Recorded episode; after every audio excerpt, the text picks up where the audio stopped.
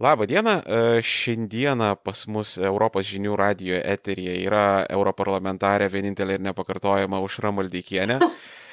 Ir e, Gerai, mes... kad jų ten nėra dviejų, kažkaip man patinka. Aušrų Maldeikienių? Kad aušrų Maldeikienių yra viena. Nu, Lietuvoje yra dar e, Maldeikienė Aldona, aš mačiau, bet ačiū Dievui nėra aušros. Taip. Mhm.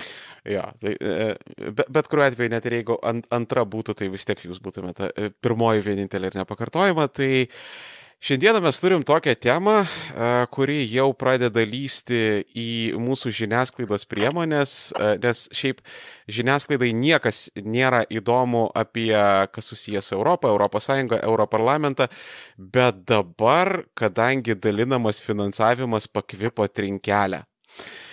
Ir žiniasklaidai pasidarė labai įdomu ir todėl yra pasakojama apie ten 750 milijonų, kelis trilijonus ir ten visokie skaičiai mėtosi. Ir sakykit, jeigu taip rezumuojant greitai, kas dabar vyksta Euro parlamente? Na, iš tikrųjų, Europos parlamente vyksta keletas dalykų.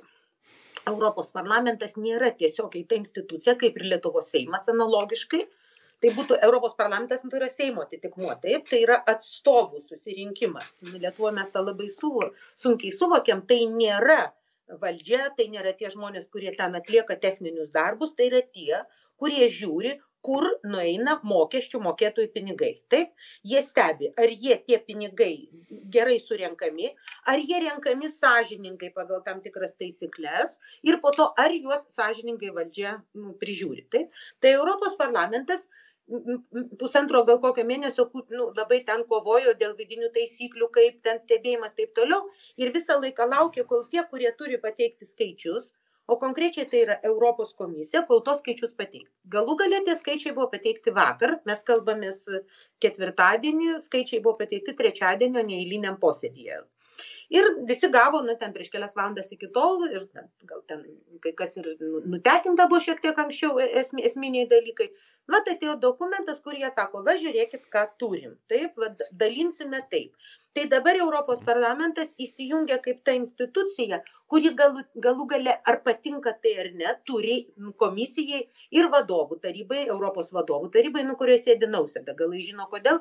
Techniškai turėtų sėdėti vyriausybės galva. Tai yra nu tai yra vadovų taryboj sėdži sėdi ministrai pirmininkai paprastai. Sprendimų prieėmėjai realūs. Ne sprendimų priėmėjai visada ir visur yra atstovai. Taip sprendimą priima seimas. Bet tie kurie mhm. realiai vykdo darbus taip tai nu vat tai tai nu čia nuo grybauskaitės kuri tą techniškai gerai žinojo tokia tradicija išlikusi tai dabar šiek tiek komiška kad važiuoja žmogus kuris yra aukštas ir gražus bet jis techniškai niekada nėra dirbęs jokiu pavidalu biurokratinio darbo nu kur yra biurokratiniai dalykai. Na bet visaip būna. Tokio trečio pasaulio šalyse europos e, e, sąjungoje lietuva kartais tikrai vat per tokius dalykus ir pasirodo kaip trečio pasaulio šalis. Važiuoja ne tie kurie daro darbą o tie kurie įsivaizduoja kad jie gerai ten atrodys. Tai, žodžiu, vis vien Europos parlamentas bus tas, kuris turės nubalsuoti. Tai dabar prasideda tas tikrasis karas.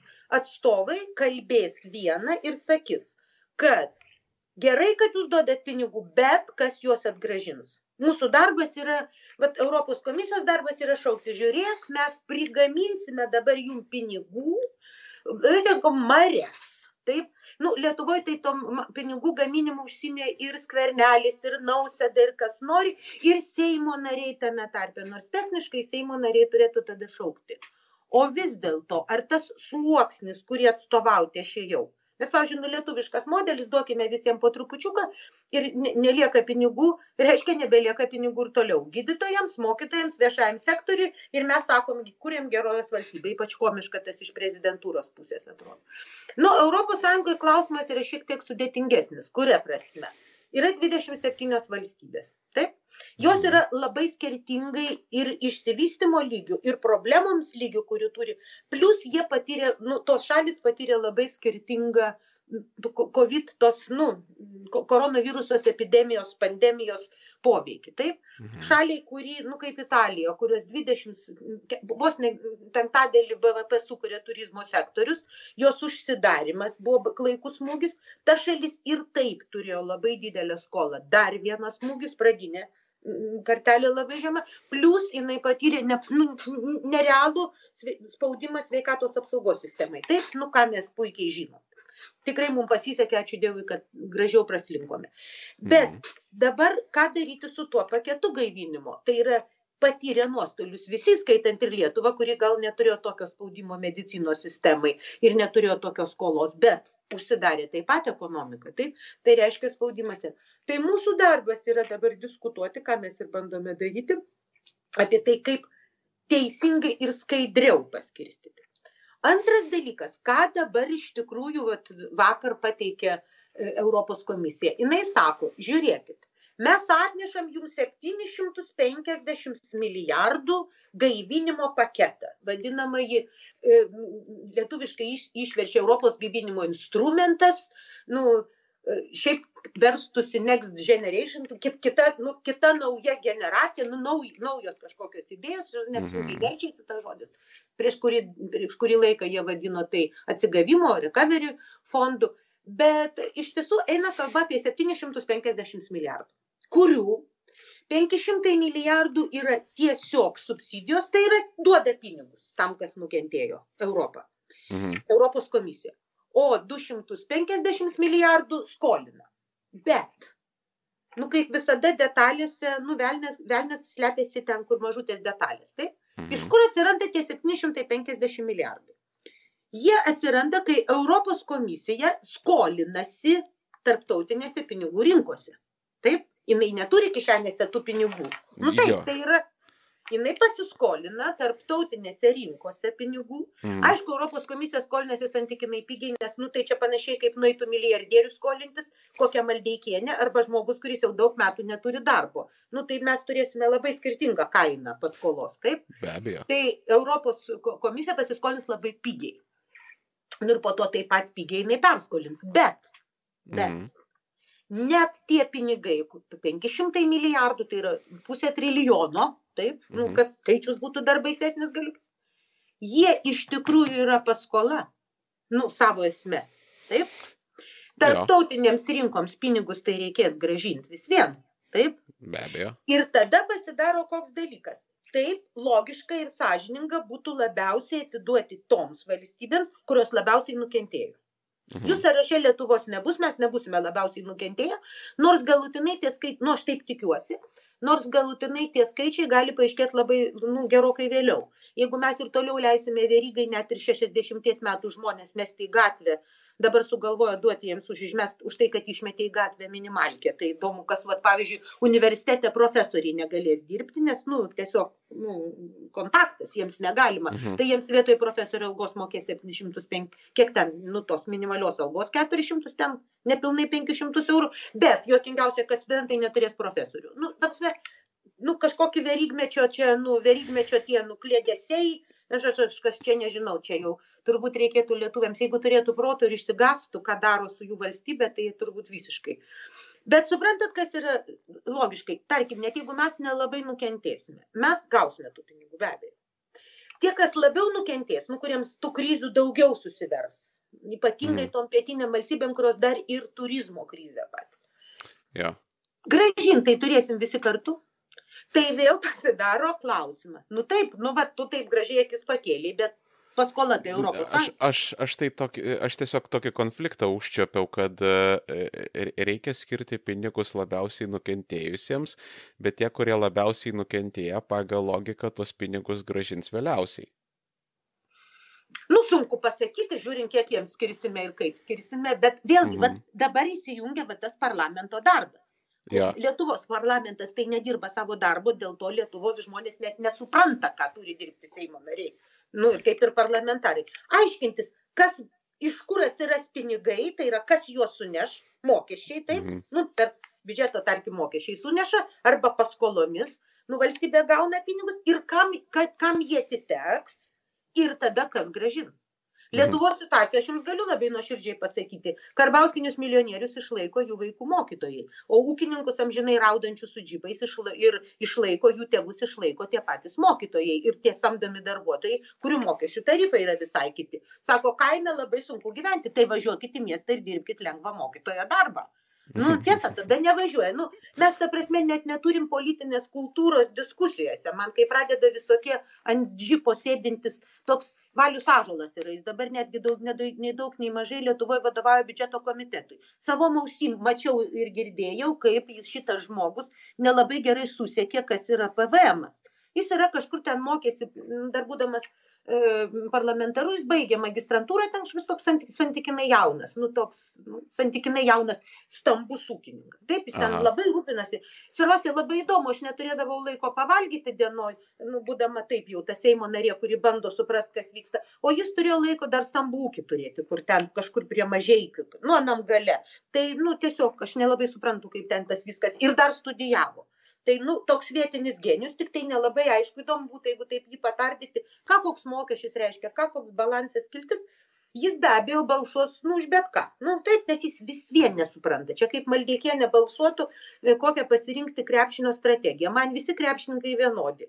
Kai kurie yra tokio intelektualinio buko lygio kaip marčiulionis su nusikalbėjimais arba chamas majauskas kuris man daug kartų paaiškino kas su manim yra blogai, nu aš necituosiu to žodžio. Nes, Ma, Mar Macijauskas ar palauk? Macijauskas, nu ten yeah. gauruotas.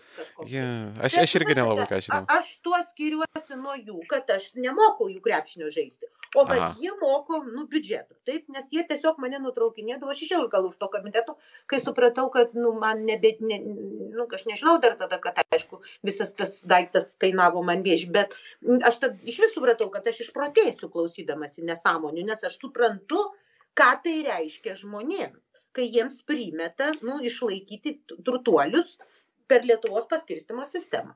Mhm. Taip, Europ, grįžtant į europinį kontekstą, mes turim tą patį tik kitam lygmenyje. Taip, tu turi tikrai ieškoti to, kas labiausiai nukentėjo, nes Europos stiprybė yra jo solidarumas, pagalba vienas kitam. Taip? Mhm. Ir tada tu, bet tu tada turi, turi surinkti tuos kriterijus, kas labai nukentėjęs. Pavyzdžiui, įsivaizduojate, kokia dabar yra situacija Graikijoje. Nu, ir čia labai svarbi ta situacija ir Lietuvai, kaip netiesiogiai mes visi susiję.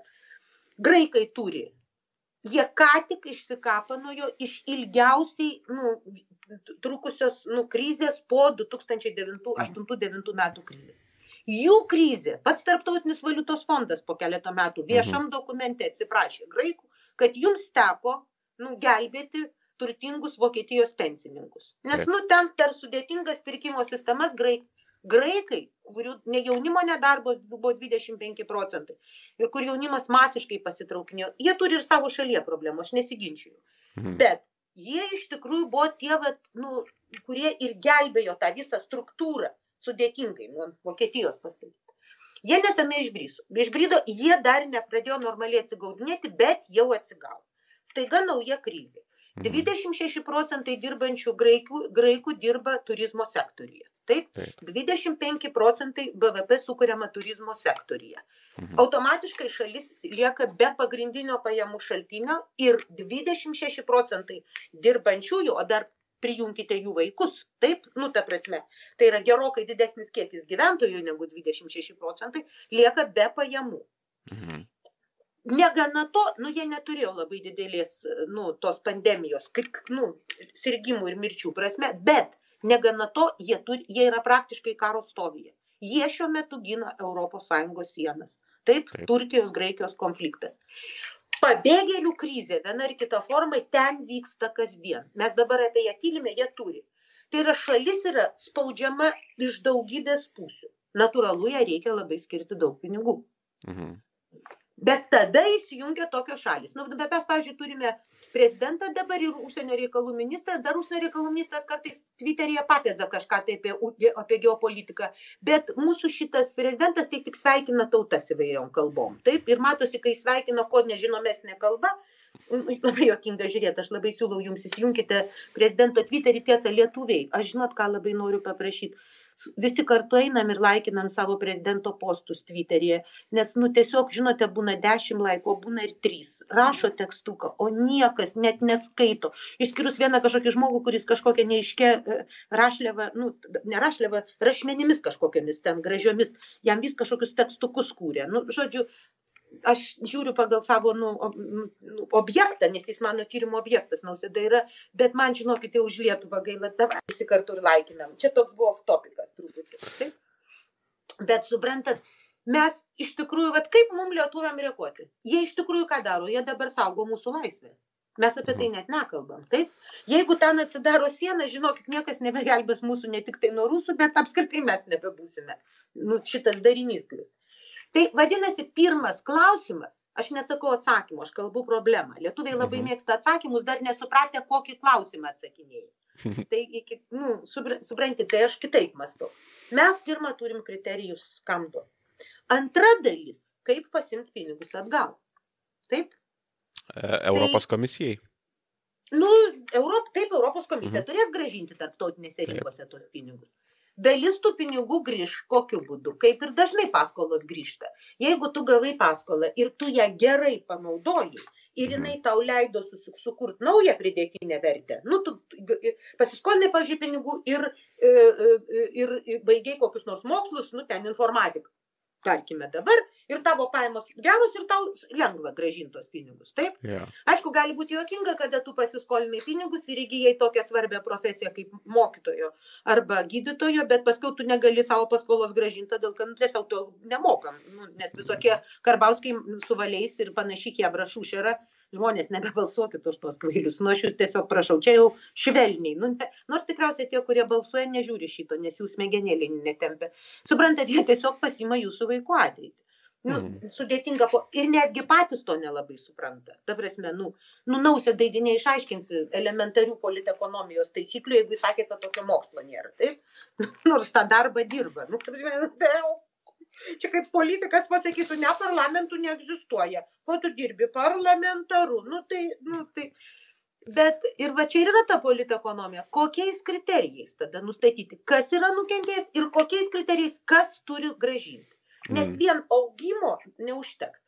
Arba, pavyzdžiui, jeigu kažkokia šalis sugebės aukti, tarkim, 7 procentus, o kita šalis 5 procentus kiek nuo tų augimų iš tikrųjų priklausys nuo to kad ta šalis pasirinkus gerą strategiją jos stipri švietimo sistema aukštos technologijos ir jinai naudingai panaudojo nu tuos pinigus taip mhm. nu kažkokius o o gal ta kuri turi penkis jinai tiesiog nieko nedarė tada iš to septynių kuri gerai naudojo nu augimą turi didesnį. Reikia paimt ir atiduot tai kur mažesnis augimas.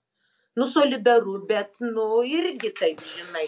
Taip kaip mokykloj vienu metu čia mūsų buvo švietimo ministrė galvojus kad mes dėstytojai privalom po nu rašyti pažymius varpu. Aš pasakiau kad aš varpu ir varpomis pažymių ne nu buvo toks sugalvojimas kad turi būt dešim procentų neigiam nu mažesnio balo ai į varpo kreivę o penki varpu kažkokiu ten klausyk nu tai mhm. jeigu žmonės atsa jeigu visi nes nepasiruošė ir nieko neatsakė kam aš turiu parašyt dešimt nu niekam taip Nu, o jeigu visi išmoko, tai visiems ir rašau. Pasakiau, aš tam kvailių žaidime nedalyvausiu ir nedalyvavau. Bet, ta prasme, niekad ir nevykdžiau šituo. Šiaip kvailų įstatymų nevykdau ir viskas. Apsižiūriu kvailas ir pasakau, šlaus, bauskit. Mane palikdavo ramybėje. Nes niekas už dyką nenori dirbti. Nu, aš dirbau už dyką. Hmm. Tai, nu, šitas kapeikas, kurias ten moku. Tai, suprantat, logiškai, mes, va, mato, turim tokias problemas. Mhm. Aš nežinau, ar man pavyko išaiškinti, bet mano va, tikslas yra šiandien tas labai paprastas. Tarsi tą įžanginį dalyką padaryti, kad pirmiausia suvokim, apie ką mes čia kalbam, kai kalbam apie gaivinimo planą. Aš labai myliu Sinkevičiuką, nu, kuris mūsų lietuviškas komisaras, nu ir kadangi labai vaikas, vis dar tai, nu, užimsiu tą tokią seno žmogaus poziciją ir teisę su, su meilė ir pagarba pasakyti, kad, nu, Sinkevičiukas, nu, tipo dar bus Sinkevičius ten po penkių ir jis iš tikrųjų labai gražiai pasakė kad nu lietuvoj lietuvai gresia šeši su puse milijardo. Nu tipo nuostabu mes gausim pinigų.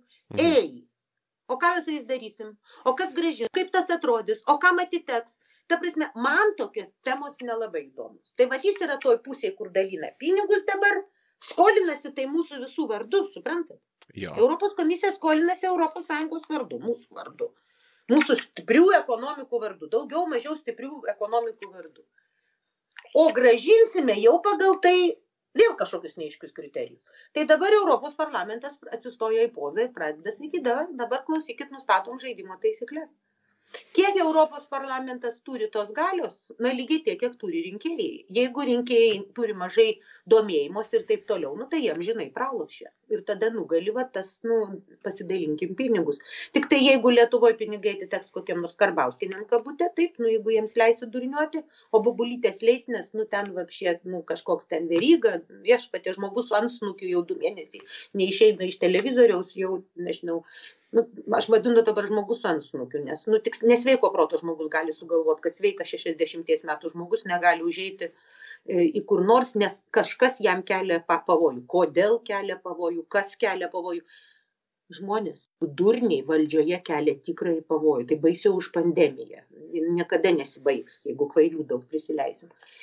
Bet, bet yra, ir yra ir kita pusė, kad iš tikrųjų už viso šito yra labai daug sudėtingų problemų tokių rimtų problemų. Kaip iš tikrųjų nu, padėti? Nu, tar, tarkim, pavardinant keletą, jeigu.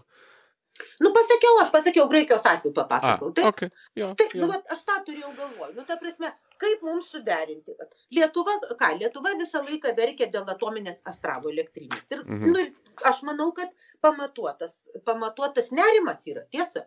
Šalia, šalis neaiški ir taip toliau iš iki Vilniaus tieselinė 30 km, kas atsitinka, ypač kai turim tokią valdžią, kuriai nuo šiau kilintą kartą vis išdavinėjau džiugiai paslaptis valstybės, tai dar kartą bandau užduoti paslaptis. Mes neturime, kaip sakė valstybės kontrolė, savo slaptame dokumente išslaptinų normalios civilinės saugos sistemos. Nu, dėl to, kad dėl to tas tipas ant nukių ir stovi ten, mm. jis tą darbą turėjo. Nu, die, dieve, taigi mes matėm padangų gamiklėlės gaisras Alytuje, tai čia tai, buvo visa respublikinė tiesiog, nelaimė. Nu, bet taip buvo, nu, iš tikrųjų tai yra nelaimė, Alytui nelaimė, bet bet visiškai nebuvo sistemos, kaip ją daryti. Tai ta, mhm. aš išduodu paslapti. Karo atveju mes neturim civilinės saugos, tada jums koks nors atsistos eilinis veikėjas su ansnukiu ir šauks. Tai žiūrėkit, bet mes turime astravo problemą. Mhm. Ar jie turi tą? Tai ar mes galime reikalauti spręsti Europai astravo problemą, jeigu mes ne, nematome, nu, vat, pabėgėlių krizės, ten Turkijos, Graikijos konflikto, kur Taip. apskritai Turkija eina keistuš. Ir dar atkreipkite dėmesį, šiuo metu praktiškai trys ES šalis yra situacijoje, kur yra labai aukšto įtampos laipsniai ir tos trys šalis priklauso NATO. Taip, tarpusavio konflikte. Čia apie kurias Graikija. Uh, Prancūzija ir okay. Turkija. Taip. Okay. Prancūzija, Afrika ir vėl turi savus interesus. Taip, okay. jo, taip jo. geopolitinis įtampos žydinys, taip. Taip. Mes apie uh, nešnekam. O tai yra, o, o tada jau įsijungia lietuviams Amerikos klausimas. O Amerika irgi turi savo vadovą, taip, su mhm. savo ambicijoms ir savo interesais kuris atvirai tiesiai neslėpdamas sako Amerika Fed. Ir, ir šitame visame skolų gražinimo kontekste e, e, Europą akivaizdžiai, nu, labai norėčiau dabar būti neteisi po metų, prisimink, jeigu užsirašyk kur nors, pašnekėkime po metų, e, bus, kokia bus Trumpo, o aš taip prognozuoju 95 procentus, kad jis bus kitas prezidentas, kokia bus jo sekantis regionas, kuris užsipuls kaip nu, kenkianti e, e, Amerikos geroviai. Taip, nu, šiuo metu jis tvarko Kiniją, taip, mhm. o kas bus sekantis, nu, atspėjami iš trijų kartų. Hmm. Europos Sąjunga, taip. Ma, ma, tikrai Europos Sąjunga, nes jau dabar jaučiasi kaip tas, nu, kaip tas aižėja. Man baisu yra, kad e, dėdė Trumpas gali padaryti tokį dalyką, kad e, kadangi jisai jau persidėrėjo dėl e, pagrindinių prekybos sutarčių su didžiosiam ekonomikom, ten Japonija, Meksika. Pietų Koreja, mhm. o jisai gali sugalvoti tokį dalyką, kad žinot, Europos Sąjunga mums šiaip nelabai įdomu su jumis. Uh, Mes bandys taip, jis bandys persidėti. Yra Britanija, uh, prekiaukit per Britaniją. Ir viskas, ta prasme, jie nu, pasirašo taip, sutartį su Britanija. Arba, tai... arba, arba galų gale, nu, pavyzdžiui, aš čia, kar, karantinas man truputėlį davė tokio nulaiko kažkokio tai. Ir aš to, ko aš ne, nebuvau dariusi 15 metų. Aš keletą savaičių žiūrėjau rusų televiziją. Nu, tiesiog, Nu, aš turėjau linksmų patirčių. Aš tik tiesą vieną dalyką supratau, kas Lietuvoje yra Maluševa. Nu, čia ta tokia Rusija, kuri, e, nu, ten visokius organus vidaus išstato ir pasakoja, kaip juos gydytis. Tai mhm. daktaras Unikauskas. Tai va, aš supratau, kad mes turime ozą, o rusai turi ozą ir visi mes čia dvasingi ir tada iš kur dvasingumo šaltiniai. Bet grįžtant prie jų koncepto Rusijos, kurį jie bando pateikti ir kuris eskaluojamas bent jau viešai, sakau, nesu ekspertė, nes nu, nu, ta prasme, mano ekspertinės žinios Rusija baigėsi 1987 metais, nuo kada aš nebesidomėjau Rusija jokių pavydalų. Tai aš labiau Rusiją pažįstu tą disidentinę, intelektualiai ir labai įdomią, nu, kuri kovojo su sistema, tą mhm. siaurą sluoksnį esantį viršuje. O dabar nežiūrėjau, dabar jau matau visai kitokį vaizdą, bet ką jie lenkia, jie sakė, žiūrėkit, šita šalis grius. Ir aišku, šitą Lenkiją ir to, Pribaltiką, kaip jie sako, jie eis su amerikonais. Mhm. Nu ir mhm. tada amerikonai juos čia bandys ginti, bet ką, bet ką jie čia, tie amerikonai turi savo interesų ir tada, ta prasme, jie gal net nelabai, e, nu, nelabai, jie ta prasme užčiuopia vieną niuansą, kaip mums, nu, Baltijos valstybėms yra, ir, yra svarbus tas NATO skydas ir būtent, nu, amerikietiš, nu, Amerikos, Junktinė Amerikos valstybė. Jie tą užčiuopia, bet jie jie tuo manipuliuoja. Ta prasme, jie, nu, ir, ir ką šiandien sako, čia Europos projektas yra žlugęs, nes čia nėra solidarumo ir visa kita. Tai mums iš tikrųjų mes grįžti, kai mes nepalaikome tų pačių graikų, taip, mhm. nu, kokioje nors situacijoje, ir nesvarbu, ko ir italų, mes iš tiesų nepalaikom pirmiausia savęs, taip, nes arba ta sistema yra ir mes laikomės, arba mes turim aižėjimą. Va dėl to aš ir sakau, kad, pavyzdžiui, nu, vat, kartu mes šnekame tuo metu, kai vat, prieš metus, vat, kaip tik buvo tas išrinktas ir Europos parlamentas, ir, ir, ir prezidentas, nu, nu, jis, ta prasme, jis be abejo kaltinti kuo nors nausėdos negali dėl paprastos paprastos priežasties. Jis nė karto nė vienam kontekste jokios europinės problemos ir apskritai rimtos geopolitinės problemos nesuformulavo per visą rinkimų kampaniją. Jis ėjo dirbti tuo kuo jis dirba. Žmogumi kuris pasikalba su vaikais gatvėje nu kurio žmona turi bantų ant pilvo ir pamokina kaip ten tvarkingos moterys ten nuolankios ir ten nu žodžiu jis, jis tą, nu, aš turiu visus jo. Jis, jis, yra, jis yra gerovės prezidentas, ta prasme, kad kada yra visuotinė gerovė, jis jisai gerovės, gali prezidentauti. Tai, jis yra gerovės prezidentas, kuris prieš bet kokius įstatymus, papirkinėdamas teismus, įsitaisė e, e, draustinyje, iš kurio ir nesikelia, nes, nedrau, nes valstybės jam duodavo prastas Lietuvos, nu per prastas jam jis eidamas į prezidentus sakė, kelsiuosi tą norėtų pasirinkti. Nu, žinot, ne tas dizainas, nu, ne prie to žmogus pratęs, kaip mm -hmm. Lietuvos prezidentas. Nu, ta prasme, jis iš tikrųjų yra elementarus hapūga. Aš tai vadinu žmogus, kuriam netgi jo statusas, nu, statusas jam ant tiek nesuvokiamas, kad jis dėl jo negali paukoti atsiprašant šikiniko. Nu taip, nes jis dabar savo šikinikė, tam ten, nu, šika, nu, atsiprašau, bet tas, ta vieta turbūt yra pati šlikščiausia. Kaip, ir kaip tauta to nemato, kaip, kaip pažeminta yra Lietuva, kad namas, kurį mes skiriame prezidentu, gyveno Grybauskaitė ir neverkė. Turbūt dabar pasistatė geresnį, bet ta prasme jaučia savo vietą. Šitas nejaučia. Jis nejaučia, kaip, nusprendis toks kai jūs žiūri toks, man tai iš mano vaikystės jie bus su žmona žiauriai primena nedidelio rajono vykdomojo komiteto pirmininką ir jo bobą, kurie eina į balių. Na, nu, aš, aš ta prasme, aš, I'm, tre, I'm back, čia vadinasi, grįžta ta maldeikienė, kuri buvo iki lygos, taip? Mhm. Aš man liko nedaug, aš tuos, aš tuos keturis metus paskirsiu daiktus vadinti dabar jau iš tikrųjų savo vardais. Labai laukiu, kai Karoblis paduos mane į teismą už tai, kad pavadinau jį vagi su jo šaika, perkantis ten, nežinau. Ai, už, už... rinkimų ciklas, nelabai kas varginsis, svarbus. Ne, aš ir po rinkimų cik, aš rinkimuose daugiau nedalyvausiu, man ciklo nebėra. Taip? Hmm. Aš sakau, aš... karobliui ciklas prasideda, tai jam ta maldykienė kažkur toli. Nu, suprantat, kas įdomiausia, tą žmogų labai galima už daug ką gerbti, dėl to labai niku, kai matai, kai jo kebra užpirkinėja ir jisai, nu, nieko nesako, užpirkinėja kilogramą vynogių už 7,5 euro. Nu, ta prasme, nu, žmonės, vagėt iš senelių savo ir tėvų. Ir prezidentas irgi neturi laiko tokiam niekam atkreipdėmėsi, nors tai yra vagystės. Tai vad, suprantat, čia yra tas vad niuansas, kad mes turime labai daug įtampos žydinių. Aš jų čia galiu dar mhm. pavardinti dar daug, taip įvairiausių pavyzdžiui tikrai labai stiprus įtampos židinys apie kurį tikrai reikės atskirai europos žiniose rašyti yra va tas sprendimas kurį padarė europos kurį padarė vokietijos konstitucinis teismas taip, taip kad Europos įstatymai Vokietijos, nu, Vokietijai negalioja. Ir, pavyzdžiui, mano kolegos, mano politiniai grupiai pradėjo mėtytis ir sako, mes ne už visus dokumentus galim dabar balsuoti kaip Vokietijos piliečiai. Mm -hmm. Taip? Tai yra atsiranda nu įtampos židinys. Pati tiesa uršula von der layen nu kuri yra vokietė jinai pasakė kad ne europos te teisingumo teismo sprendimai mum yra aukščiau. Nu ta prasme mes ir tokių kolizijų turim.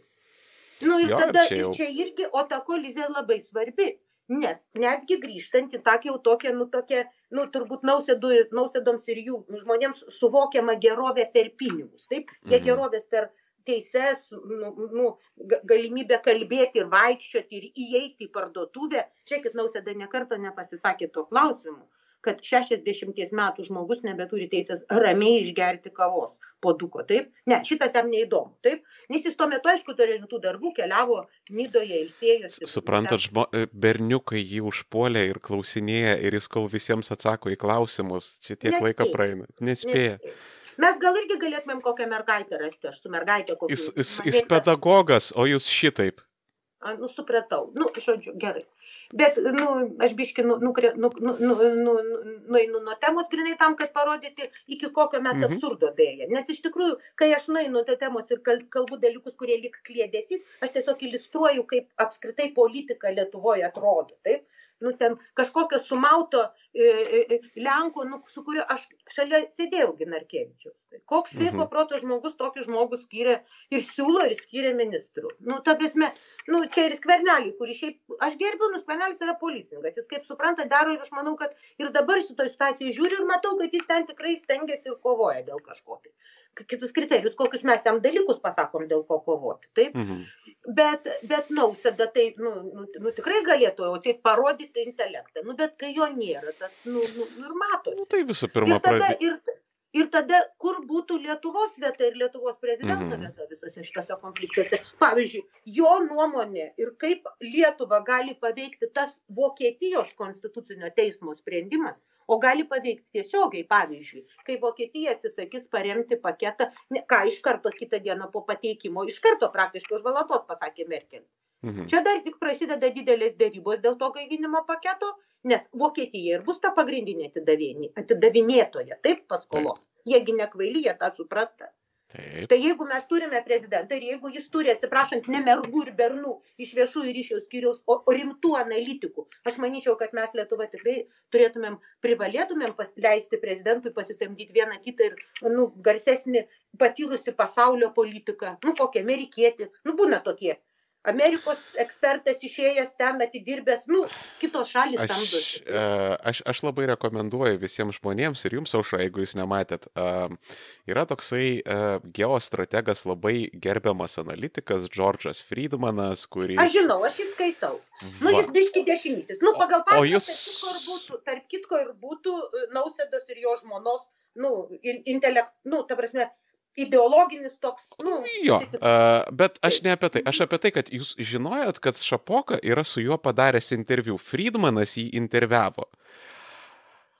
Ir aš esu pasižiūrėjęs tą video, aš, aš iš svetimgėdos sulindau visiškai po žemę, nes... Nežinau. Manau, kad mes, mes privalėtume. Labai yra geras dalykas, aš mančiau, kad mes Mhm. tikrai gal, gal galime padaryti, surasti tą interviu, jį garsinti, nu tiesiog ir paleisti. Ir Mhm. visiems bus labai įdomu.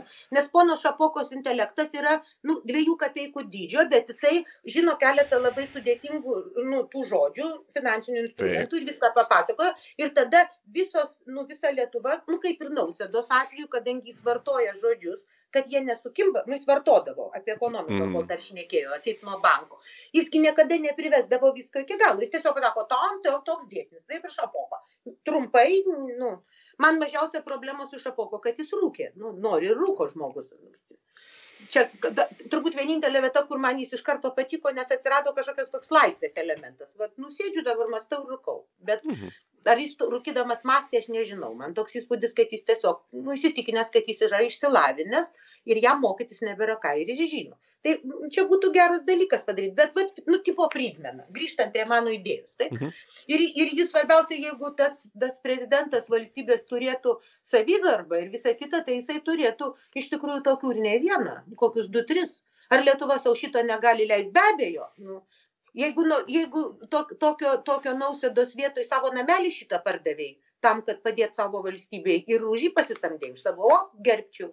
Tarsi, nu, visą gyvenimą tai dariau, jeigu jau kas nors sakys, o jezau, ką ten, viską, viską, par, nieko neturiu. dėl to, kad viską atidaviau tam, kad turėtų lietuviai vadovėlius, nu, kad, kad verčiau knygas nemokamai, aš ne, ne, negiriuosi, aš tiesiog aš turiu moralinę teisę šitaip sakyti, nes aš iš tikrųjų viską fiziškai atidaviau. Taip, savo mokiniams mes nieko neturim, nei aš, nei mano vaikai, nieko. Kaip vienas žmogus sakė, kaip galima už tokį balsuoti, per gyvenimą nieko neužsigyveno. Čia geras visada būna. Bet šitą man pasakė, nu tai, ne, nu, bet čia yra mąstymo forma, tiesiog žmonės yra skirtingi. Tai vad, suprantat, nu ir ką, nu ir ką, nieko, švenčia, džiaugiasi, bantukais žavisi. Hm. Kažkas tokio aš nenoriu tų Nors žmonių. e, e, re, realistiškai žiūrint, dabar tas uh, Vokietijos konstitucinio teismo išaiškinimas čia jau, nu, akivaizdus yra jau of law pažeidimas.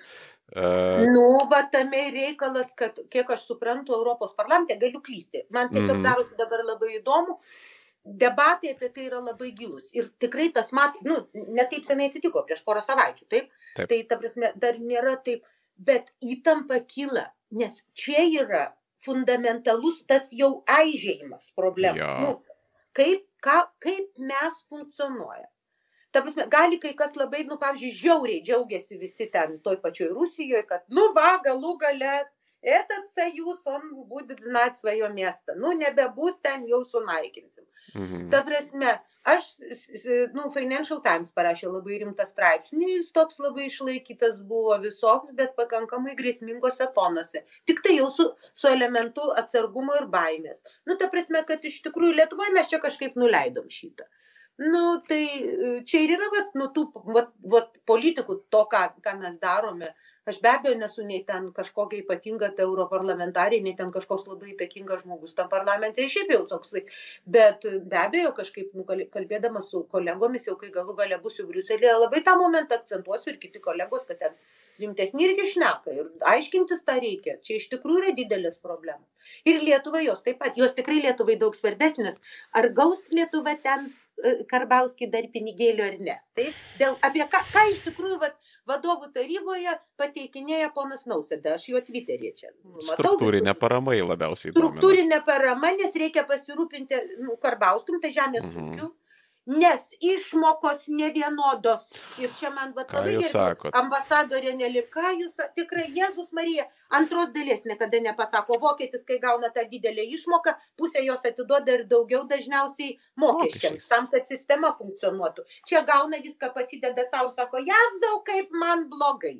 Ir dar padaryta sistema taip, kad iš tikrųjų tos vidurinės grandies šeimos ūkiai, ūkininkų praktiškai nieko negauna, palyginus su Karbauskiais, kurie ir pasima ten tuos milijonus. Tai, suprantate, tai jis dėl to pergyvena ir jis draskosi dėl, dėl sanglaudos fondo. Kas yra sanglaudos fondai dėja Lietuvoje? Trinkelė maitintoja. Taip, trinkelė maitintoja, išgrįstos, išgrįstos visos rajonų aikštės, tik tai juose tuščia. O jauni žmonės dirba e, ir dar ir grendžia, tai dar dabar yra atvežtinė darbo jėga. Čia to, už, vat, galim lažintis, galėsime, žinai, gerti šampaną, kuris nors pastatysime laidoje, nes aš, kadangi nevykdau durnų įstatymų ir šiaip esu nepakaltinama, tai turiu teisę ir šampaną išgerti kartais, taip viešoje vietoje. Tai tuo labiau, kad namuose dabar sėdžiu. Taip, tai iš tikrųjų, iš, už ką išgerti šampaną? Nepraeis porą mėnesių, kaip visi dargiai išlis ir avuliai ir šauks lietuviai dirbt nenori, atvežkit mum ukrainiečių greit ir papigiai. Taip. ir išeis, kad mes gavom pinigus iš ES tam, kad padidint Lietuvos konkurencingumą. O tai reiškia, mhm. kur turėtumėm dėti? Bent jau išvietimą, o mes trinkelių padarysime, kai kas turizmo centrų pasistatys. Mhm. Man buvo labai jokinga, mes tokia maža detalė, bet nepaprastai daug apie Lietuvą papasako. Aš net pasimečiau. Pirmom tai nesupratau, po to supratau, kameriukas pradėjau juoktis. Na, aš noriu susiremontuoti savo iš tikrųjų sudegusi namelį kaime. Nieko ten, kad galėčiau savo senatvėje sėdėti ir kambariukai. Nu ir aš kalbu su architekte ir jinai sako, bet, nu, vad sako, jums reiks ten to, nes, nes reikės sveikatos, nu, sveika, nu, hygienos paso. Aš sakau, atsiprašau, o kodėl, o kam man reikia hygienos paso dabar sakau, man namelį susiremontuoti, hygienos paso reikia. Nu, va, mano mina buvo tokia kaip tavo dabar. Aš Aha. tikrai pasimečiau. O jinai pasimetė, kad aš ruošiuosi savo namelį, jinai įsivaizdavo, kad aš ten karomą statysiu, kur nuomosiu ir ten turizmo centrai bus, imsiu paramas ir taip toliau. Eikit, ponė, sakiau, pinigai mano, namelis yra 70 kvadratų, a to ir mažiau, ai, tada ir tų dokumentų nereikia. Ir čia sakau, ponė, aš ir pinigų neturiu, ir man bilen šilta, viskas. Ir kad mano knygos sutilptų, ir lentynų knygų. Tai, tai ta prasme, nu, tai, tai, tai, tai vadinasi, kad net nemato tokių, nu, vat, kurie ateina. Nes paskui mes kalbėjom, jis sakė, šiaip vietiniai žmonės retai ten tos namus statosi, nes nelabai tų pinigų turi, o tie, kurie atvažiuoja, statosi dvarus jau su, su, su priedais ir jau ten. Nu, ka kaimo turizmas vadinasi ten, aš kai. Kaimo jūs... turizmas. Nes jūs paprastai tas kaimo turizmas dar yra padaromas bendrais visų pinigais, penkis mhm. metus telefonas, net neskam, nu, kai skambina turistas, net, nu, būna tiesiog atsitiktinai užimtas arba nepakelia jo, po to jau baigėsi. Taip. Ir pasimi savo namą ir tą visi puikiai žinome. Iš tiesų išvogė tuos pinigus. Tai va irgi ir tada daug tokios problemos. Bet čia sakau, čia jau tokia vietinė problema, o europinės problemos iš tikrųjų gilios. Kaip atrinkti tas šalis, kurios labiausiai nukentėjo? Ką mhm. reiškia žodis solidarumas iš tikrųjų va, ta, tam geopolitiniam lygmenyje? Kiek mes, vien, kiek mes turime matyti visą kontekstą, platesnį kontekstą ir kokių mums reikia tada galų gale politikų, kaip mūsų atstovautų. Ir, ir dar yra labai svarbus klausimas, kaip sinchronizuoti didžiasias Europos sistemas, nes yra didžiosios Europos ekonomikos, nu, tarkim, kaip? paimkim Prancūziją, Vokietiją, Italiją, Švediją ir tai yra keturios radikaliai skirtingos ekonomikos. Taip, ir, ir skirtingai funkcionuojančios, ir skirtinga logika. Neatsitiktinai, va dar vienas tas žydinys, mes, atrodo, praeitą kartą apie jį kalbėjom, bet galiu pakartoti. Tai yra ir tas yra ir to, tame gaivinimo fonde atkreipiama dėmesys taip toliau, nu, ir netiesiogiai kalbama visą laiką. Mhm. Nu, va, tos taupiosios šalis, tai yra taip. skandinavai, nu, kurie turi didelį biudžetą, jis skiria labai tikslingai, yra paramos, nu, atsidirbė visą socialinį stiprų, labai stiprų iš tikrųjų socialinį, e, nu, tą tokį lygmenį ir mhm. jie surenka į biudžetą, jie sumoka labai didelius mokesčius, jie surenka daugiau negu pusę pajamų metinių atitenka tenai, nu, perskirstimui, kai Lietuvoje 30 procentų netempia taip. Ir jas paskiau sako, tai laba diena, tai lietuviai, jūs norite visko, bet jūs nenorite susimesti patys, ar ne? Mhm. Tai tada taupėjai yra tada išlenda nu tie vat išlaidautojai pietuose nu dažniausiai tai vis dėlto tokios šalys nu tokios biškį chaotiškos valdy nu ta tokia atsak biudžetinio biudžeto struktūros dalykais. Aš čia nesiruošiu jų ko nors kaltinti. Nu ir yra paskiau rytų europa kurios pagrindinis šitas arkliukas yra motina tu šventoji mes taip atsilikę mum tiek reikia padėti Mhm. Bet aš, aš galiu jūs nuraminti, Vokietijos, Vokietijos eilinis ūkininkas su daugeliu mūsų tų stambesnių ūkininkų nieko bendro neturi. Ta prasme, čia pas mus jau senai dvarponiai gyvena.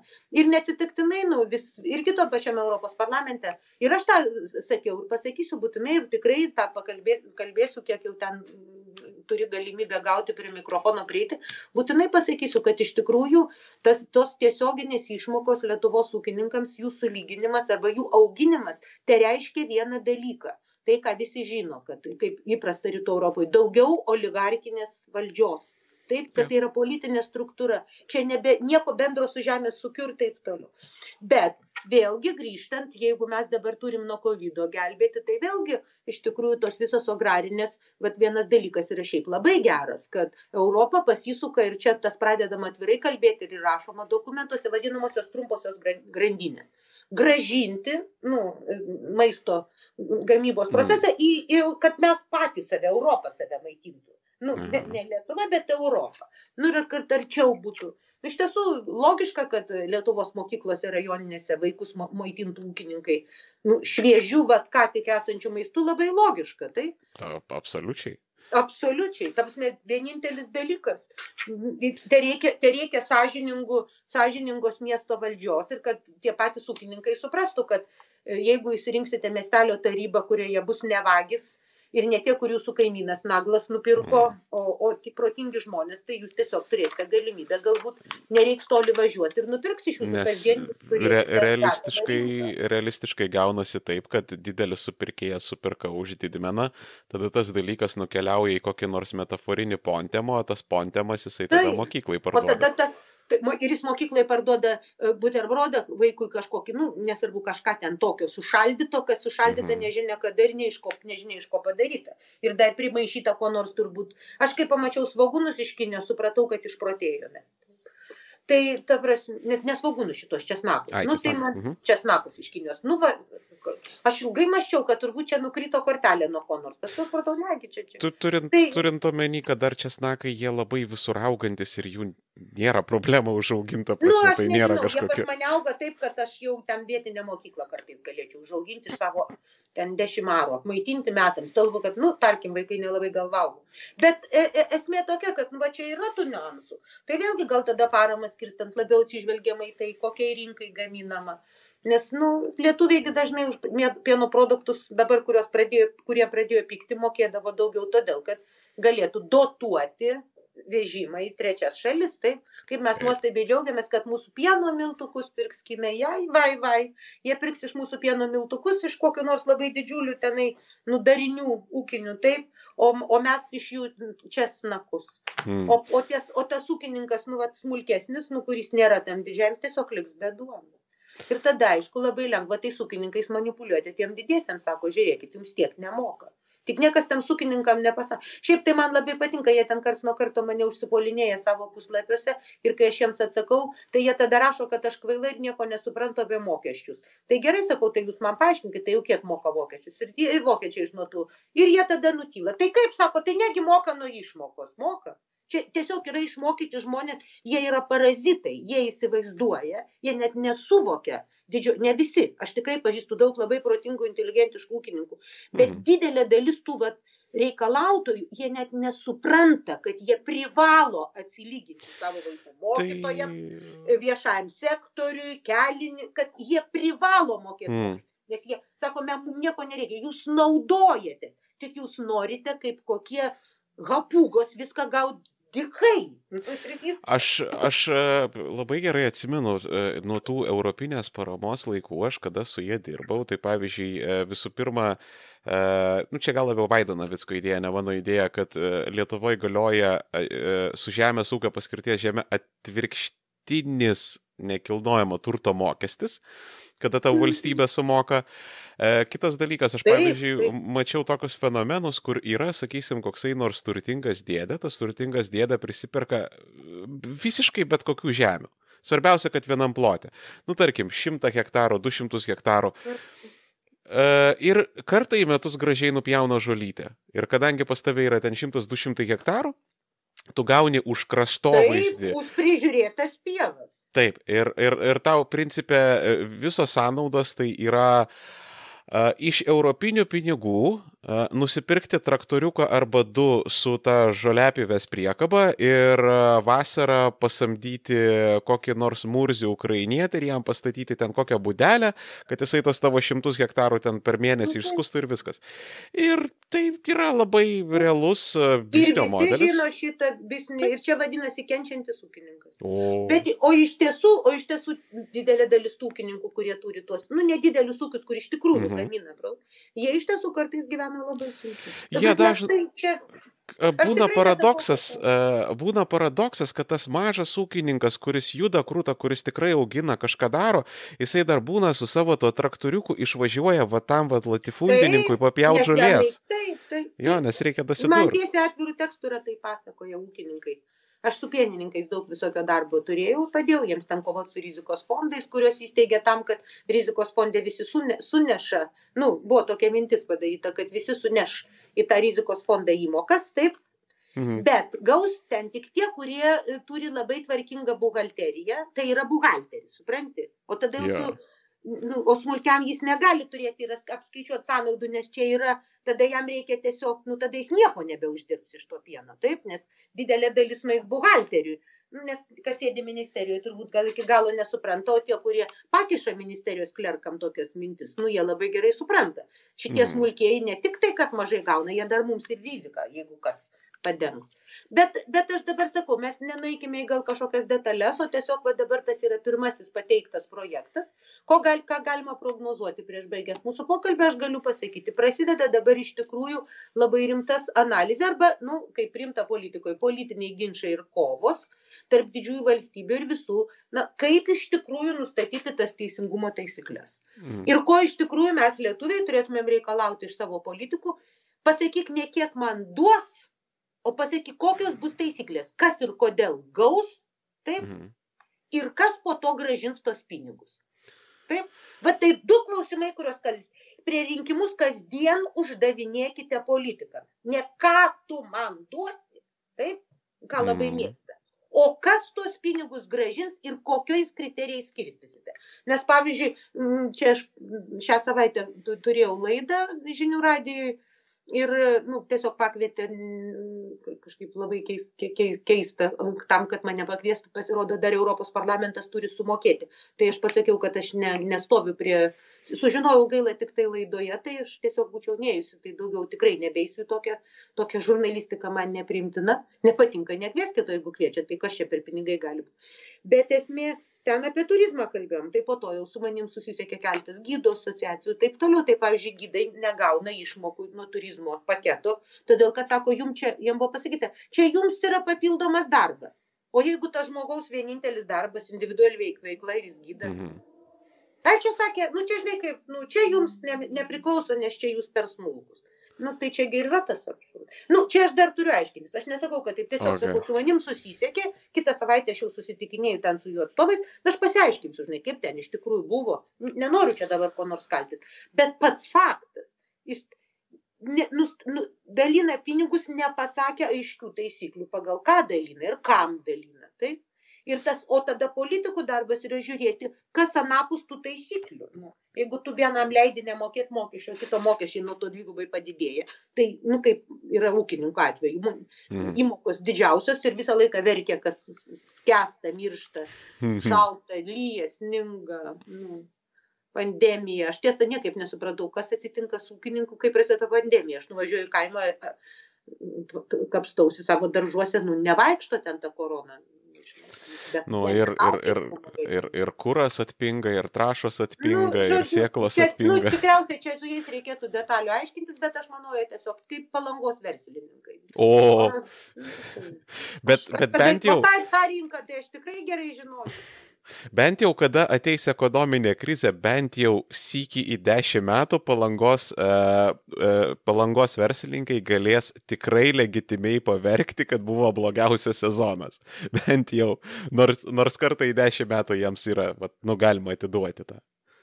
Nu tai dabar jų meras eina su konservatoriais į rinkimus ir savo Facebook'o paskyroje parašė, kad, nu va, žmonės mane užkėlė, jau balsuos už mane, aš eisiu į Seimą kovoti už palangos interesus kodėl reikia eiti į Seimą, kad kovotum už palangą, tai tu ir kovok už palangą, būdamas meras. No. Tai čia pirmą eina žmogus dirbti nesupranta ko, nu čia kai lietuviai sakė, aš eisiu į Europos parlamentą atstovauti, nu, Lietuvos. Jo. Ne, tu ne atstovauji, tu atstovauji Europos Sąjungą tam, kad ta Lietuva būtų Europos Sąjunga, taip? Nu, ta prasme, čia, čia, čia atvirkščiai yra, tu atstovauji Europos Sąjungą Lietuvoje. Taip, jeigu nu, žiūrėt gal iš tikrųjų, e, e, nu, gal aš sakyčiau, kad vis dėlto abiem dalykais, nu, koks mano darbas yra. Žiūrėti Lietuvos intereso, kaip aš pasakau, kaip aš suprantu, aš noriu, kad Lietuva būtų Europinė valstybė, taip, ne, ne, mm. nebūtų kokios Rusijos įtakos ar kokios sumautos Kinijos, ten tai yra iš vis grobuonis įtako ir aš tą sakau, rinkimuose deklaravau. Ir tada aš Europos Sąjungoje, būdama Europos parlamente, stebiu, kas naudinga Lietuvai. Ir aš sakau, Lietuvai nėra naudinga draskytis dėl jos ūkininkų interesų. Lietuvai yra naudingiau, kad jinai turėtų va šitą gerovę, kurią jin turi, ir saugumo skėčius, ir galų galę tą ir pagalbą, kurią jau dabar gauname ir iš Europos kad mums kartais svarbiau pasirūpinti Graikijos, Turkijos konfliktų, taip, nes tai mhm. Lietuvai svarbiau negu kad ten šitas dalykas. Nu, tai ir yra, yra, tas, ir yra toksai tai... reikalas, kad pavyzdžiui pagrindiniai ES donorai, tai yra Prancūzija ir Vokietija, vieną gražią tai... dieną gali užduoti tokį klausimą, kad Vyručiai, kada mes sprendėm ES likimą, jūs trinkelę rūpinotės. Ir tai, jie bus absoliučiai teisūs. Aš, taip, aš galiu su liūdėsiu pasakyti grybauskaitė yra vienintelės Europos valstybės iš 28 tada mhm. vadovė, kuri nepristatė Lietuvos nu, matymo Europos ateities vizijos. Nu, visos Europos ateities vizija. Tai buvo pristatinėjama čia. Nu, pastarosius ten 2-3 metus. Rimtai? Ir Lietuva liko vienintelė Europos, kiekvienos, kiekvienos valstybės vadovas atvažiuodavo, ten buvo paskirtas laikas ir pasakydavo, iš mūsų perspektyvos Europa turi būti tokia. Aha. Iš mūsų perspektyvos Grybauskaitė taip žemai nekryto. Nu, nemėgsta debatų, žinai, dar kažko tai. Nu, bet nu, ne, ne kaip atrodom. Ne kaip. A, aš jau prisimenu. Ir nėra Lietuvos. Ir aš knygutės tokios yra išleistos šalių vadovų vizijos ir man graudu, ten yra visi. Mm. Grybauskaitės nėra. Ir, ir Lietuvos nėra, ta prasme. Yra dar kitas labai opus dalykas. Jeigu mes e, kalbam apie kažkokią dezintegruojančią Rusiją, o ta Rusija gali dezintegruoti, pr prasideda pašonėje blogos problemos. Ir aš manyčiau, nu, čia mano subjektyvi nuomonė, kad vienas iš didesnių mūsų prezidento ir užsienio reikalų ministerijos, bet gal daugiau prezidento projektas turėtų būti ateičiai, tai yra padaryti taip, kad geri berniukai ir mergaitės iš Kanzaso ir Ajovos norėtų mirti už Lietuvos žemę. Bet aš kažkodėl nelabai matau e, veiksmų tenais judėti, kažką daryti, kažką ties, ties, ties to galvoti ir tiesiog yra, yra penktas straipsnis, ramu. Nu, penktas straipsnis yra, bet niekada nėra ramu, penktas straipsnis yra žmonių sutartas. Taip. Ir penktas straipsnis žmonių gali būti panaikintas. Bet suprantat, va čia ir yra politika, politika ir yra, kada tu visą laiką gyveni, niekada nežinodamas, kas atsitiks rytoj. Mhm. Aš tarp kitko esu, nu, aš esu žiauriai laimingos kartos žmogus, nesenai supratau šitą. Gimiau 58-ais, Tai yra praktiškai siaubas stalininis buvo pasibaigęs. Šitas nu, buvo nugaišęs prieš, nu, jis nemirė, tas žmogus, jis nugaišo. Prie Hruščiovo. Stalinas, ne, jis mirė 53, jis mirė, jis mirė penkiais metais anksčiau negu aš gimiau. Taip, okay. tai Hruščiovas buvo. Taip, taip, ja. aš gimiau tame, nu, kas vadinasi, nu, tas rusiškai otripėl, net nežinau kaip čia lietuviškai. Atšilimas nu, toks, kažkoks. Atšilimo, atšilimo ja. laikotarpis. Ir paskui ten, aišku, užsisuko vėl, vėl sodino tos žmonės grįžusius iš mhm. lagerių. Mano tėvelis 56 grįžo, 61 vėl pasodino, trump, bet paskui trumpam paleido. Nu, žodžiu, vis, viskas kažkaip, bet vis vien jau savo sąmoningą gyvenimą aš mačiau, kaip po trupučiu, kad nu, gyvenimas atsileisdavo, tiek kiek buvo ten to melo tai melo yra visada. Visas mano gyvenimas man parodė kad mela nu natūrali būsena kai tu sieki savo interesų žmonės meluoja čia kai kristus dar mokė kad čia nesusieta su santvarka ar ten kažkaip. Tai tiesiog žmogus daro moralinius sprendimus Tai paskiau buvo nepriklausoma Lietuva, kurį, kai aš netgi baiginėjau mokyklą 76-ais, nu, buvo sunkiai įsivaizduojamas dalykas, svajonė tokia, žinai. Mm. Mano broliukas eidavo ir kilnodavo tą savo vėliavas ir šaukdavo, nu, ten prieš okupantus, nu, ir tada eidavo psichiatrinę ligoninę nu nes tik psichin nes tada ir sakė tik psichinis ligonis nu mano mamytė taip yra sakę tik psichinis ligonis nesupranta kokioj jis nuostabioj šaly gyvena. Dėl to nu čia buvo diagnozė nu tu mm. tau nepatinka sovietinė tvarka. Tai suprantat tai yra bet aš pamačiau kaip jų neliko aš pamačiau kaip atsiranda ir tas ir tas. Ir galų gale netgi aš turbūt pataikiau į Europos parlamentą, kuris gali būti vienas pačių egzo, politinė prasme politiškiausių, kur vyksta mes nuo ko mhm. pradėjom nuo nuo nuo nuo rinkimų kuriuose kovojom su su visokiais ten nu visoj lietuvoj man debilizmo viršūnė to klausimo buvo tokia lago nu kuri paukščiukus gamina iš sidabro kuri sakė kad jinai nori eit į europos parlamentą čia jos iš jos rinkimų programos nes jai labai baisu kai kai miestų gatves maurai už už užleidžia maurai mhm. ta prasme nu aš suprantu kad ten kažkokį už kažkokio ispano ištekėjus gal tų maurų ispanijoj matė bet atsiprašau nu kur jinai čia maurus matė ir su kuriais čia jis kovos kokie maurai ta prasme nu moteris kosmose. Mane šitie ir... račvilininkai labai stebina, nu, kai, at, at, prasme, kai tas taip, bet... Mauras atvairuoja Uberį, tai taip, tai viskas normaliai, kai 60 tūkstančių ukrainiečių atvažiuoja. Tai... Taip, jis nemato, bet, bet, bet tiesiog tai va tada mes laimėjome kad lietuva nu garsi tuo kad neturi nei vieno maurų nu to kovotojo Taip. E, šitame europarlamente, tai, bet, bet pati Europa tai iš tikrųjų turėjo lengvą baimę, kad jų nebūtų daug. Jie dabar sėdi gana tyliai, nes jie ten labai savo vietoj pastatyta. Paskiau yra breksito klausimas, kad mhm. galų gale šitą koroną, kuri teškė. Ir tos problemos su žaliųjų kursu, ekologijos problemos mes iš tikrųjų turime vieną įdomiausių parlamentų, nu, darbo prasme. O, o kaip jūsų jausmas, o kaip jūsų jausmas, ar tai gali būti paskutinis Europarlamentas? Ne. Aš turiu, aš, nu, galbūt aš vis dėlto esu tokia nepamainoma varilė, kuri, nu, žinot, visada muša grėtinėlį, jeigu įmeta į pieną, dairosi rankytėm, pašūkau ją rankytėm, rankytėm makaluoja ir nes labai reikia išlipti ir pažiūrėti, kas vyksta.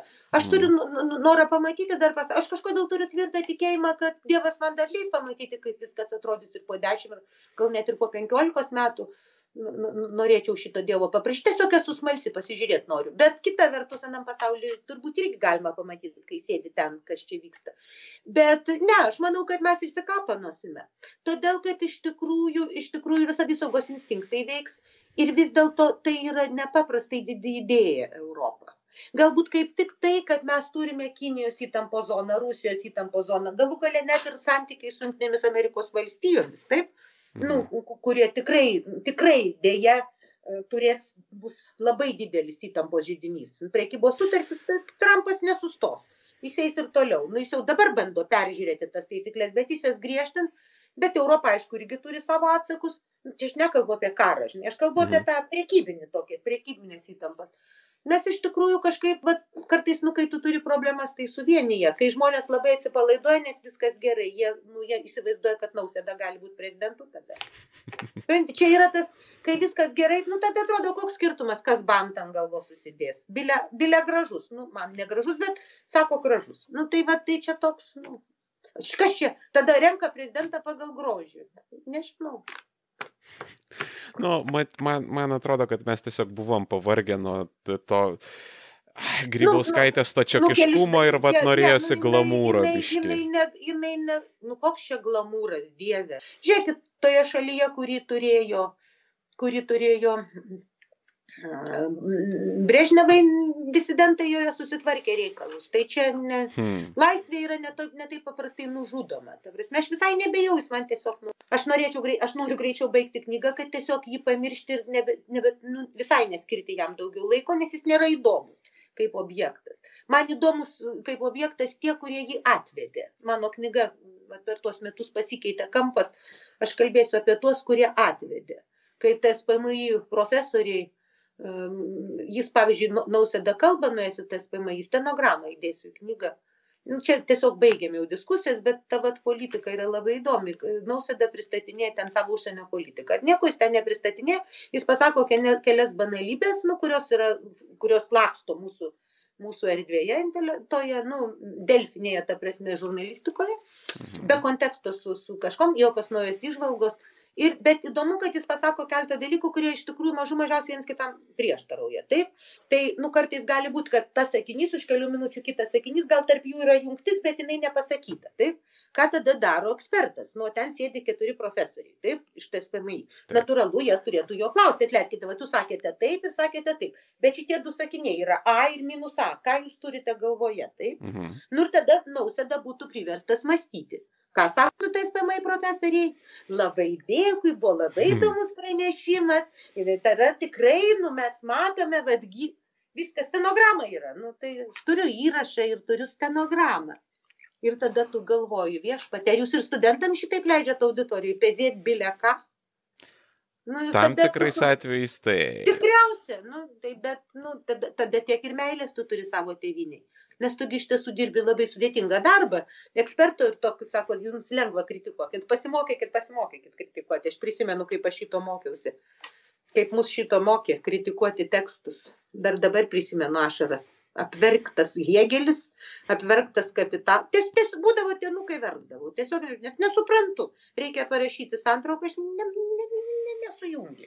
Na nu, tai po, po keturių metų darbo, kiekvieną dieną daug, daug šių puslapių ir šimtų, staiga supranti, ai, viskas labai paprasta. Šiais laikais viskas biški paprasčiau yra. Ne, prasme, kam, gerose, kam... Gerose, gerose universitetuose gerai rimtai, tiesiog, nu, matai, kas, nu, nu, normaliai, pažiūrėjau, kad veikia. Čia jie žino, kas yra ta gebenės lyga ir kas yra visa kita. Nu, jie mm. nevadina proftechninės universitetų. Nu, nu, nu negalima leisti vaiko baigus, mokyti vaikus baigusių pedagoškę. Lietuvių kalbos mokytojas iš jų išeina geros, nu, bet gramatiką išmokinti. Aš kaip, bet, nu, tarsi, tas žmogus, nu, jis turi būti baigęs gerą universitetą. Mhm. Aš kažkada, nu, kažkada tai maščiau, kaip ten buvo, kaip mano, kad mano tėvelis apie išsilavinimą beje Tai mano tėvelio laiškai yra iš, iš, iš Vorkutos lagerio. Nu tikrai nėra Vorkutos lagerė bibliotekos, ar ne? O jis laiškė cituoja Maceiną. Ir mes tikrinom su broliu citatą. Nu, gana, nu, nu, kai kurie žodžiai tie patys, nu, bet net citata. Ir aš tada galvoju, viešpati, tai kas čia per protas to tėvelio? Prisimink lagerį, atmis brolius ir seseris, mhm. kaip vyresnis, tipo, nu, šeimos pater familijas, nu, padalina jiems patarimus apie gyvenimą ir cituoja Maciai. Ir paskui sužinojau, mokytojai, tai buvo iš Sorbonos, Rokiškio gimnazijai, buvo mokytojai, kurie Sorboną baigė. Sorbonos. Sorboną. Ne, fegasimi. Nu, nesakau, kad visi, bet buvo tokių. Jo, bet, kalbas bet, bet, mokydavo. Ta prasme, suprantate, mes manęs vat, šiandien paklausė vienas žmogus, sako, kodėl jūs manot, kodėl mes taip greit ir įdomiai atsigavom po 18 metų. Bet pasižiūrėkite, kiek tada intelekto mes turėjom įvairiose srityse. Mm. Kai Mhm. pasižiūri mūsų tuos, tuos žmonės, kurie steigiamajame Seime, ta prasme, nu ten visi beveik, nu, ta prasme. Oi, ten aukščiausia Kur- praba buvo. Ten. Taip, ten yra aukščiausia pravo, ten yra tai. Aš, pavyzdžiui, dabar va, turiu tokį, kodėl už ką aš dėkinga didelė dalim žmonėms, kurie mane išrinko čia po metų, galiu pasakyti. Už tai, kad turiu galimybės klausyti politikų. Aš sėdžiu, sižiuojusi ir klausausi ir man žiauriai įdomu. Nu, ta prasme, aš, Mhm. Nu, po šito viso, žinai, valys, kuris nežino, kas PVM ir balsuoja už PVM pataisas ir nesupranta, už ką balsuoja. Aš dabar pakliuvau į terpę, kur dauguma ne tik, kad supranta, bet yra, nu, iš tikrųjų žmonės patyrė, žino, kaip to žaidimo taisyklės ir tu sėdi ir klausais ir tau iš tikrųjų labai įdomu. Ir taip kitko iš tikrųjų, vat, pavyzdžiui, malonu klausytis to paties kubiliaus, todėl kad aš kartais nesutinku su juo, ką jis sako. Bet jis tam kontekste, jis kalba, nu jų kalba, jie, nu, tarsi, jis, ne, nu, jis yra ga- gar, garbingai atstovauja Lietuvą, nes atrodo, kad Lietuva turi žmonių, kurie suvokia, kas yra politika, interesai ir ten kalba dalykus. Tai ta prasme, man iš tikrųjų tai yra malonu. Ir aš tikrai, ir aš mokausi, ir kartu mokydamas aš galiu dalintis ir su jumis, ta prasme, padėti, papasakoti, suvokti, kas yra. Tai manau, kad mes dar tik pradedam kalbėti, jau šitaip, sakyčiau, pradedam kalbėti apie tą daugiametę finansinę perspektyvą ir recovery fondus, bet aš labai noriu ir tik, vien, tik dėl vieno dalyko, ir aš noriu dirbti savo politiko darbą. Taip, tai yra pasakyti, kaip už šitų pinigų slepiasi jūsų visų gyvenimų. Nes jūs busite, kurie gaus arba negaus, ku- kuriems tiks kriterijai arba netiks, kuriems teks ir kurių vaikams teks gražinti. Taip toliau. Jo, nes viskas pasirodo šitam gyvenime kainuoja. Viskas šitam gyvenime. Deja. Taip, tiesiog politekonomija. Taip. Ta prasme, politinė ekonomija iš tikrųjų apie ką yra? Apie tai, kaip nustatai žaidimo taisyklės savo gyvenime, ekonominėme tame tarpe, kaip pasidalini savo darbu, kiek tau moka už tavo darbą ir ką tu kitiem duodi. Tai va, tai va apie tai ir šnekėsim dar daug kartų. Čia kol kas yra pirmas projektas ir pamatysite, kitos dvi savaitės bus labai įtemptos. Nuo pirmadienio prasidės karas. Visi Mm. pradės kovoti už to savo interesus. Man tik tai labai norėtųsi, kad Lietuva nors kartą kovotų už Europą, o ne už tai, kad Karbauskiniai gautų išmokų daugiau. Nu, nes gėda, dieve, nebesismulkinkim. Žinai, kaip atrodo šeimoje yra kažkas miršta, kažkas serga, kažkam. Ir čia įpuola kaprizingas ten berniukas ir sako, o mano motorolėlis, sugėda motorolėlis pas kaimyną brangesnis, duokit man, aš irgi tokio noriu. Ir dėl to gimėme, dieve. Sėkmės. net. E, Tai jo, šitą ir pozityvę gaidą baigiam. Ačiū Jums aušra, ačiū visiems, kas žiūrėjot, klausėt ir stebėjot. Prenumeruokit ir sekit e, Europos žinias. Šiandien tiek. Ačiū. visiems.